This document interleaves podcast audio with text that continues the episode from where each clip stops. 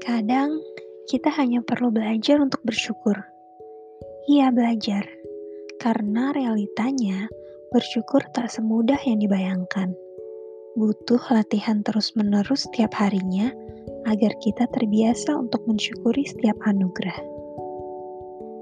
Banyak pikiran-pikiran yang tidak nyaman datang akibat kurangnya rasa syukur.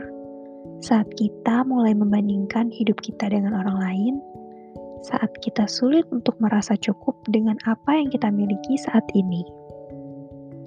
Tapi, bukan berarti kita tak boleh terus berusaha untuk mendapatkan yang terbaik.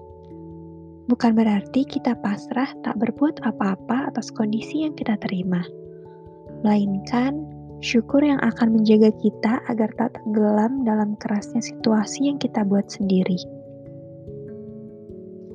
Ada banyak hal yang kita miliki yang mungkin selama ini lupa untuk disyukuri, terutama hal-hal yang selalu kita miliki, yang terasa biasa namun sesungguhnya amat berarti. Karena terkadang kita harus kehilangan sesuatu sebelum akhirnya tahu betapa berharganya. Kita punya badan yang sehat tanpa ada gangguan kesehatan yang berarti. Sedang di luar sana, banyak orang sedang berjuang melawan penyakitnya. Sudahkah cukup syukurmu untuk itu? Kita punya waktu bersama keluarga atau orang-orang terdekat yang kita sayangi.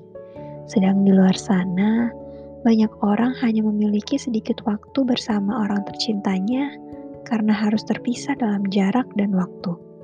Sudahkah cukup syukurmu untuk itu?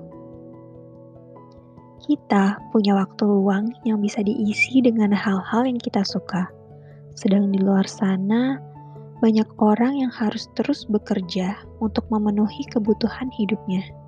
Sudahkah cukup syukurmu untuk itu? Kita punya tempat tinggal, pakaian, dan makanan yang layak.